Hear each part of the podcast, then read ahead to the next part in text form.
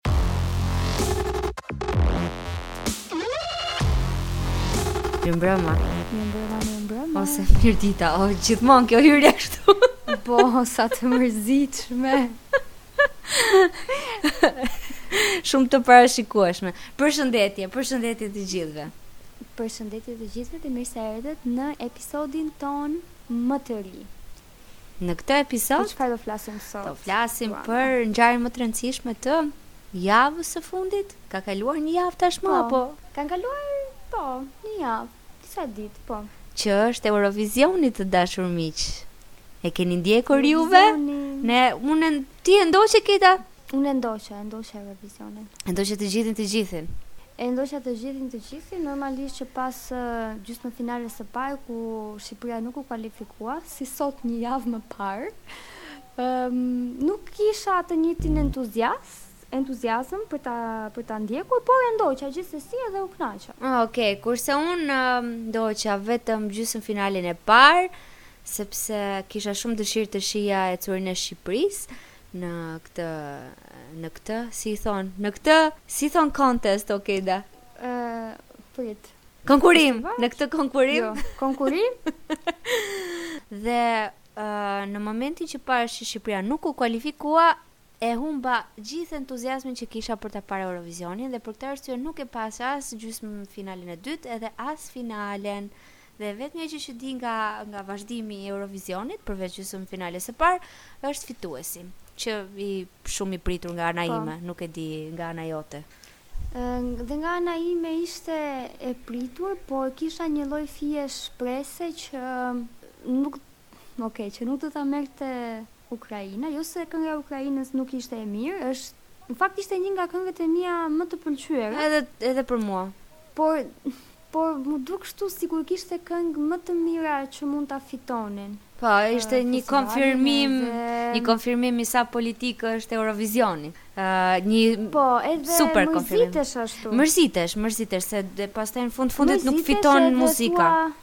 Po, edhe mua m'u duk vetja kështu domethënë ok harxhova gjithë këto energji këto tre ditë që kam parë Eurovizionin edhe në fund domethënë shih çfarë zhgënjimi politik. U ndjeva kështu sikur s'do ta shoh më vitin që vjen, por e di që do ta shoh prapë. U ndjeva e tradhtuar. Premtime bosh. Unë e prita, unë të thashë, do fitojë Ukraina, pavarësisht se kënga ishte e bukur. Po, po, ti më the, ti më the. Ahh, domethënë kënga ishte e bukur. Po po të humbet pak dëshira për të për të parë për, për ta parë, sepse thua në fund fundit, ok, cili është plani gjeopolitik politik i radhës. Edhe hajde shohim po, kush do fitojë. Po, por duhet përmendur fakti që me votat e jurisë në finale nuk fitoi Ukraina. Në vend të parë doli në fakt Mbretëria e Bashkuar, kurse me votat, domethënë plus votat e publikut, doli Ukraina, pra ishin, ishte, ishte publiku në fakt që votoi Ukrainën si fituese. Si kurrë më parë, vendi i parë arriti të mblidhte gati gjashtëqind e ca vota, domethënë Ukraina mblodhi gjashtëqind e ca pikë në, në total, që është një numër shumë, shumë i madh pikësh. Kështu që ishte publiku ai që e bëri Ukrainën fituese, kështu që në këtë rast nuk është shumë e drejtë që t'ia vëmë fajin jurisë. Po, po, po. Ë, në këtë rast jo, janë vetë njerëzit që kanë dashur të shpreh, të shprehin ndoshta solidaritet ë ndaj po. këtij populli që po vuan çfarë po vuan në këto momente. Edhe Ndoshta kam parë edhe artikuj ë në të cilët përmendej fakti që populli ukrainas do ndihet më i mbështetur dhe më i motivuar po. ë uh, mbas fitimit fi, fitores, fitimit, fitores Eurovisionit. Çështja është uh, mund të bëhet Eurovisioni vitin tjetër në Ukrainë thua? Po tani Zelenski kishte dalë dhe kishte thënë që e sigurt që do bëhet, kështu që nuk e di tani. Okej, okej, do shohim, do shohim. Cilat janë planet e atyre të mëdhenjve? Do bëjmë një podcast vitin tjetër. Për Eurovisionin po, në Ukrainë. Ukrainë, po. A do bëhet atje, a nuk do bëhet atje, të shohim. Po. Um, po, po mbetet për të parë. Mirë Ukraina, po Shqipëria Mikejda, Shqipëria. Oh, ça dhimbje. Po na hap ca plagë. Ua plagë vërtet. Si sot një javë më parë. Unë të betohem e ndjeva shumë. Një që u u emocionova gjatë uh, performancës së Ronelës. Po. Dhe u zhgënjeva kaq shumë në momentin që nuk doli. Sepse sinqerisht e konsideroja një këngë të bukur. Më të bukur në versionin shqip edhe në performancën që kishte bërë në festivalin e RTSH-së, por gjithsesi këngë të bukur. Edhe mund të të argumentoj pse më duket këngë e bukur. Pavarësisht se ne jemi shprehur tashmë edhe në një podcast që kemi bërë në lidhje me me festivalin e RTSH-së apo jo? A këngë më po. Këngë e bukur, këngë e bukur. Në jo shumë e thellë në në përmbajtje, në përmbajtje për sa i përket tekstit, por që interesante, mua e do e konsideroja këngë eksperimentale, sepse sepse është ka një strukturë pa strukturë.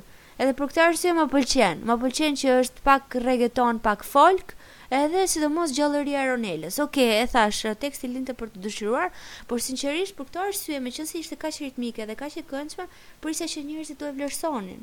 Atëherë, nga t'ia nis, nga teksti, është shumë e vërtetë që teksti nuk ishte shumë i thellë, po në fakt Luana po të dëgjosh ato tekstet në Eurovision të disa këngëve nuk është se gjen ndonjë thellësi më të madhe. Ok. Ja, se ti edhe i ke dëgjuar më shumë. Nuk po them të gjitha këngët janë ashtu, por edhe këtë vit kishte kishte këngë nga nga Eurovisioni që nuk është se kishin ndonjë ndonjë tekst me me ndonjë filozofi shumë të madhe dhe prapë u kualifikuan për në finale. Domethënë puna e tekstit. Ëm, uh, për sa i përket performancës së Ronelës në po, gjysmë finalen e parë, edhe unë u emocionova shumë, sepse ajo këndoi shumë mirë, I kapi të gjitha notat e larta, unë aty kisha shumë shumë frikë, por ajo mendoj që e realizoi këngën në mënyrën më të mirë të mundshme. Jam dakord. Uh, u emocionova shumë, mendoj që e ngriti të gjithë sallën në këmbë, edhe po! njerëzit po kërcenin, po këndonin, po duartrokisnin dhe unë kisha shumë frikë nga fakti që Shqipëria do ishte e para që do hapte gjysmë finalen, por mendoj që Ronela bëri një hapje të mrekullueshme dhe me të vërtet i motivoi njerëzit Që të shikonin dhe performancat e tjera, ishte një hapje, një nga hapjet më të bukura të po. Eurovisionit, me thënë të drejtën. Um, tani, problemet me performancën. Unë mendoj që mm, koreografia nuk kishte strukturë. Është ndryshe mendoj kur këngës i mungon struktura dhe koreografisë i mungon struktura. struktura. Mua më ka pëlqyer më shumë koreografia në festivalin e RTSH. Gjithashtu edhe mua.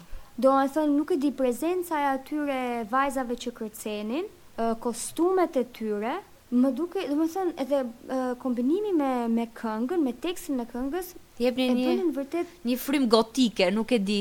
Fiks.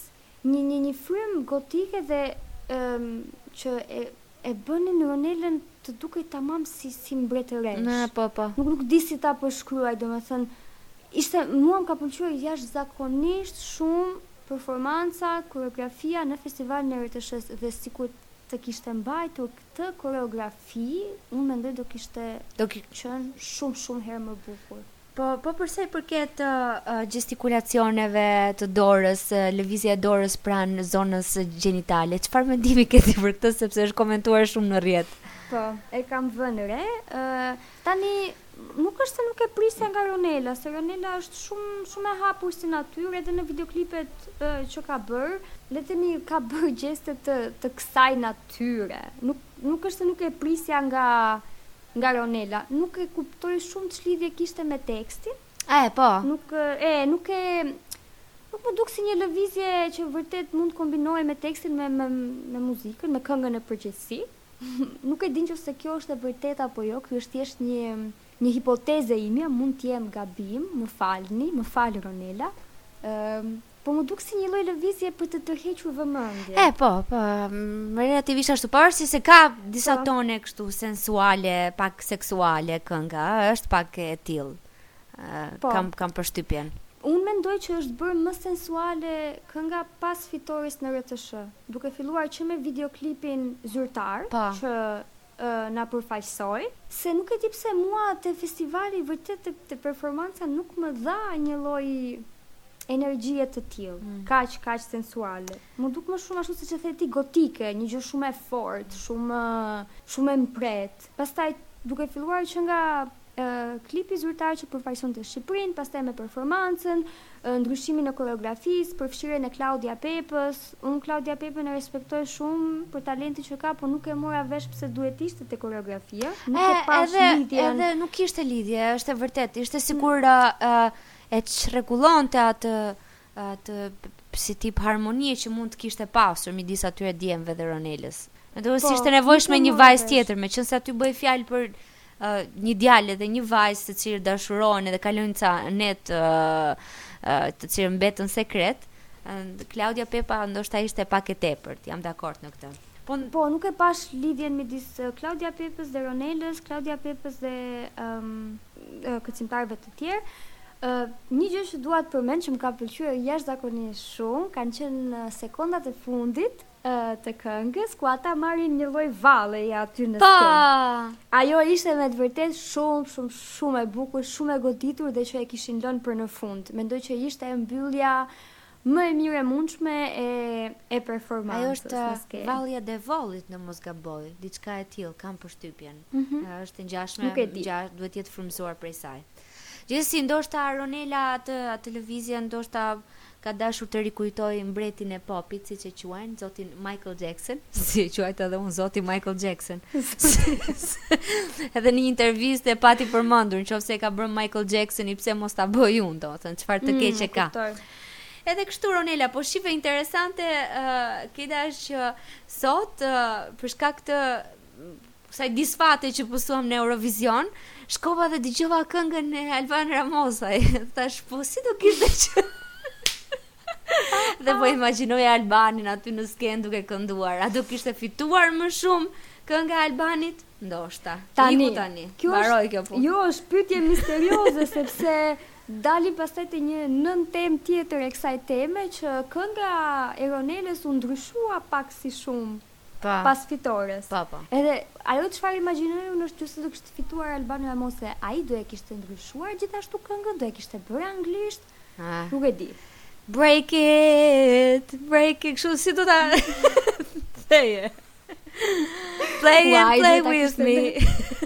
O, të ti ma jo, të ta kishte lënë më mirë në Shqip. Pa, pa, pa, pa, tjetër, pa tjetër. Madje kishte marrë dhe gjë që leken me vete. Ose kënduan bukur ata të dy së bashku. Shine, u rikthyen po, prapë te festivali. Po, mua më ka pëlqyer shumë ai version. Edhe mua shumë, shumë. Por, uh, gjithsesi, çfarë desha të thoja, të përmendja, uh, sepse u diskutua shumë kjo kjo performancë e Ronelës edhe në Shqipëri nëpër emisione të ndryshme, është që ndoshta ky rezultat uh, vjen si si pasojë e penalizimit që që juria kështu është kështu është hamendësuar i ka i ka bërë Ronelës për shkak se nuk ndoqi ato direktiva dhe ato këshilla që i dhanë në lidhje me performancën. E këshilluan që mos e bënte atë lëvizjen e famshme të dorës dhe ajo e bëri.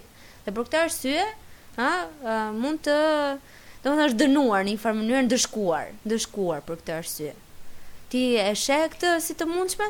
Tani ne votat e jurisë i kemi parë, domethënë. Po pra, që t'i përmendim. Janë 46 pikë i kemi po. marrë, i kemi marrë nga publiku, edhe 12 12 pikë i kemi marrë nga juria, që sipas sipas llogarive të mia, Po të kishte të ishte bazuar renditja vetëm në votat e publikut, do kishim dalë në vend të nëntë, që do thotë do ishim kualifikuar për finale. Kurse bazuar në votat e jurisë, atëherë do përfundonim në vend të trembëdhjetë. Ndërkohë që kombinimi i të dyjave na çoi në vend të dymbëdhjetë. në gjysmëfinalen e parë. Po. Luana, meqë jemi në këtë temë, a mund të na përmendësh pak ato vendet ku na ku ne kemi marrë vota? Njëzet e katër pikë kemi marrë nga Greqia, ku ka votuar publiku me dymbëdhjetë pikë edhe juria me dymbëdhjetë pikë dhe ky është rasti i vetëm ku ka votuar juria me pikë, sepse në të gjitha rastet e tjera nuk kemi vota nga juria dhe kemi përsëri vota të larta nga Italia, ku publiku ka Ka votuar me me tetë pikë. Kemi gjithashtu nga Zvicra, aty ku ka dhe shumë shqiptarë ndoshta. Kjo është po, arsyeja. Po. Kjo është arsyeja pse kemi marrë këto pikët përndryshe njerëzit të cilët uh, nuk kanë ndonjë lidhje emocionale, emotive me Shqipërinë, ndoshta nuk e kanë dashur këngën, fund fundit.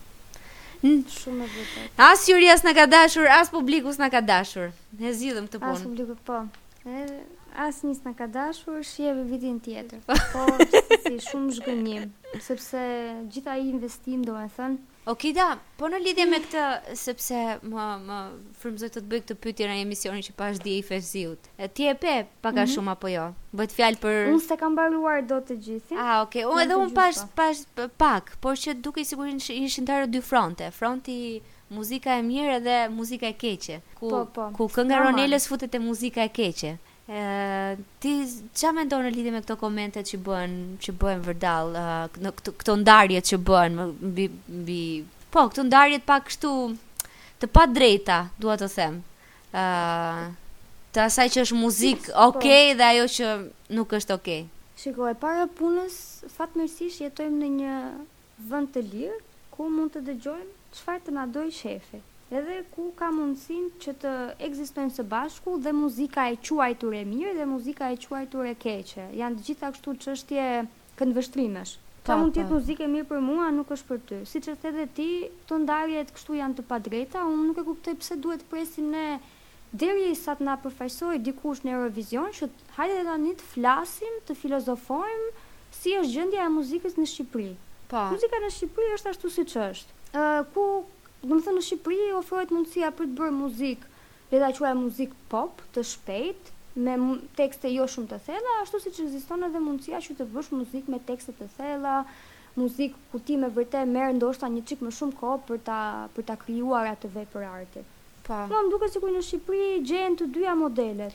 Po, po. Domethënë në qoftë se, ok, çfarë reklamohet më shumë dihet, po në qoftë se ti me vërtet je si, domethënë artdashës, je në kërkim të këtyre këngëve kaq të thella, në kërkim të artit të vërtetë, mund të gjesh edhe artistë të tillë. Unë nuk është aq aq shqetësuese. Po, unë gjithashtu mendoj që që është e padrejtë kjo ndarje në muzikë të mirë dhe muzikë të keqe. Unë do thoja më, më shumë do t'i ndaja në muzikë më të më të menduar dhe muzikë më më konsumi sesa të mirë dhe të keqe. Pastaj të mirë e të keqe po. përcaktojnë gustot e njerëzve të cilët i dëgjojnë ato këngë kam përshtypjen. Është e padrejtë, sidomos këto komentet snob që ndodhen edhe tek emisioni i Fevziut, ë, për të cilat po po flisnim edhe në privat unë edhe ti së bashku këto njerëzit të cilët të cilët dëgjojnë rock për shembull në Shqipëri, po flas për mentalitetin shqiptar, mendojnë që muzika që dëgjojnë është kaq e përkryer dhe ata njerëz janë kaq të veçantë, dhe snobojnë çdo lloj gjëje tjetër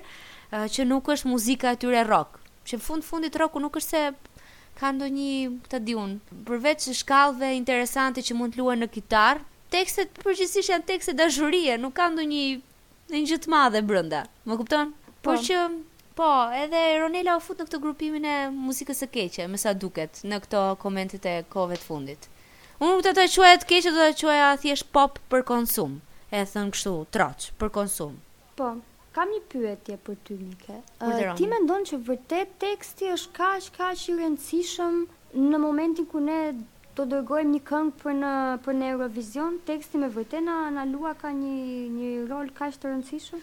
Po unë nuk mendoj që teksti luan një rol edhe aq të rëndësishëm, jo në përgjithësi në muzikë, se për mua teksti është shumë i vlefshëm, shumë i rëndësishëm, po varet ça qëllimi ka kënga. Nëqoftë se kënga ka për qëllim t'argëtojë njerëzit, t'i bëjë që të kërcejnë, atëherë nuk nuk është Nuk është edhe aq e rëndësishme të, ta di unë, të shkrish talentin si si këngëshkrues ose si tekstshkrues, për mendimin tim. Po. Normalisht, sinqerisht varet nga aplikimi, nga qëllimi që ka kënga. Edhe në këtë rast, Jam shumë shumë dakord. Në këtë rast është thjesht për për t'u hedhur përpjetë. Edhe nuk ka asnjë gjë të keqe thjesht të hidhesh përpjetë. Ashtu siç ka momente robi në të cilat do të mendojë, do të të jetë më introspektiv, të të vijë në kontakt me ndjenjat më të thella që ka etj etj. Por në këtë rast nuk nuk është ashtu. Po s'ka ndonjë problem apo jo? Nuk ka as edhe një problem. Pastaj Eurovizioni është një festival ku ka vend për të gjithë. Po. Unë asnjëherë për shembull nuk e ndaj dot mendjen cilën këngë kam qejf. në çdo Eurovision sepse më pëlqejnë disa njëkohësisht, disa që kanë një tekst më të thellë, disa që kanë një natyrë nostalgjike, disa që janë thjesht për të kërcyer edhe për tu për tu ndjerë mirë. Më duket sikur aty, domethënë, gjejnë mbështetje të gjitha aspektet e e personalitetit tim edhe nuk e marr vesh këtë fiksimin që kemi ne Për të kritikuar çdokënd që çojmë në Eurovision. Edhe kur kemi patur tekste të thella, jo po performanca nuk ishte mirë, jo po po të kishim patur më shumë buxhet do kishte qenë ndryshe, jo po ne nuk na reklamojnë, jo kështu po ashtu, domethënë Gjithmonë do gjeje diçka që nuk është sipas standardit të publikut ose të këtyre njerëzve që duan të japin mend. Kështu që edhe kur kemi patur në fakt tekste më të thella, nuk është se domosdoshmërisht jemi kualifikuar, po, ose jemi, domethënë në fund kemi marrë aq shumë vota sa për t'u, sa për të qenë në pozicione shumë të larta. Mbaj mend atëherë kur kemi dërguar Rona Nishliun, po. që Rona Nishliu na ka çuar deri në vendin e pestë. Po. Edhe atëherë kur është, domethënë para se të merrte pjesë Rona Nishliu, u, me sa shumë kritika, o do na përfaqësojë kjo që vetëm ulëret, që vetëm bërtet, shi si i ka flokët, shi çka ka veshur. Edhe në fund, mm -hmm. na përfaqësoi aq mirë dhe njerëzit tani e marrin kështu si shembull, o si na ka Po, si na ka përfaqësuar Rona Nishliu, nuk do na përfaqësojë askush. Kështu që Unë në fakt do doja shumë që të kishte më shumë më shumë mbështetje. Po. Sa herë që bëhet fjalë për ngjarje të tilla ku le të themi dikush merr këtë hapin e madh për të na përfaqësuar si vend, Nuk është një gjë kaq e vogël. Të paktën unë, si ndjekëse e rregullt e Eurovizionit, mua më duket sikur nuk është aspak një gjë e vogël që dikush vendos të dalë aty përpara syve të gjithë Europës edhe të bëjë një gjë dhe të përfaqësojë vendin e vet. Një çik më shumë mbështetje në fakt do kisha dashur edhe për Ronelën se më duket sikur e masakruan si para performancës si pas performancës. Po, po, më vjen keq në fakt. Nejse, ajo për mua e bëri punën mirë, kështu që ka mbështetjen tonë. Nuk e di a do ta dëgjojë ndonjëherë Ronela këtë podcastin tonë, por që ta dish Ronela ne të mbështesim. Të mbështesim, të mbështesim jashtëzakonisht shumë edhe sinqerisht një performancë të tillë Shqipëria nuk e ka çuar. Po, po, po. Unë jam dakord, jam dakord. Shumë, shumë e veçantë, shumë e veçantë Ronela. Bravo, bravo, bravo. Bravo. Okej, okay, da. Së po. shpejti nis kënga magjike, do bëjmë një podcast për këngë magjike. Seriozisht? Po, mezi pres. Ëm kam parë te Klani reklamë ku ftohen uh, këngëtarët që të të dërgojnë këngët e tyre të përfunduara deri në datën 23 a 24 a diçka e tillë. Kështu që së shpejti wow. do kemi mundësinë të shohim këngët e këngës magjike.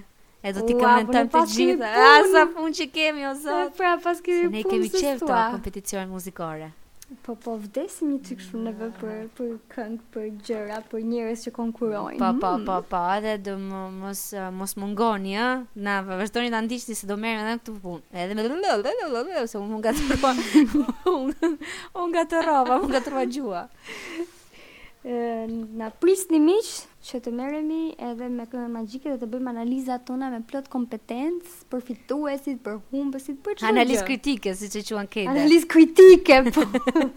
Se dhe ky episodi kështu dha këtë. Analizë kritike. bukur, bukur dhe me këtë analizën kritike ju përshëndesim. Edhe edhe do dëgjohemi së shpejti përsëri si gjithmonë. Këtu na keni. U pafshim. U pafshim.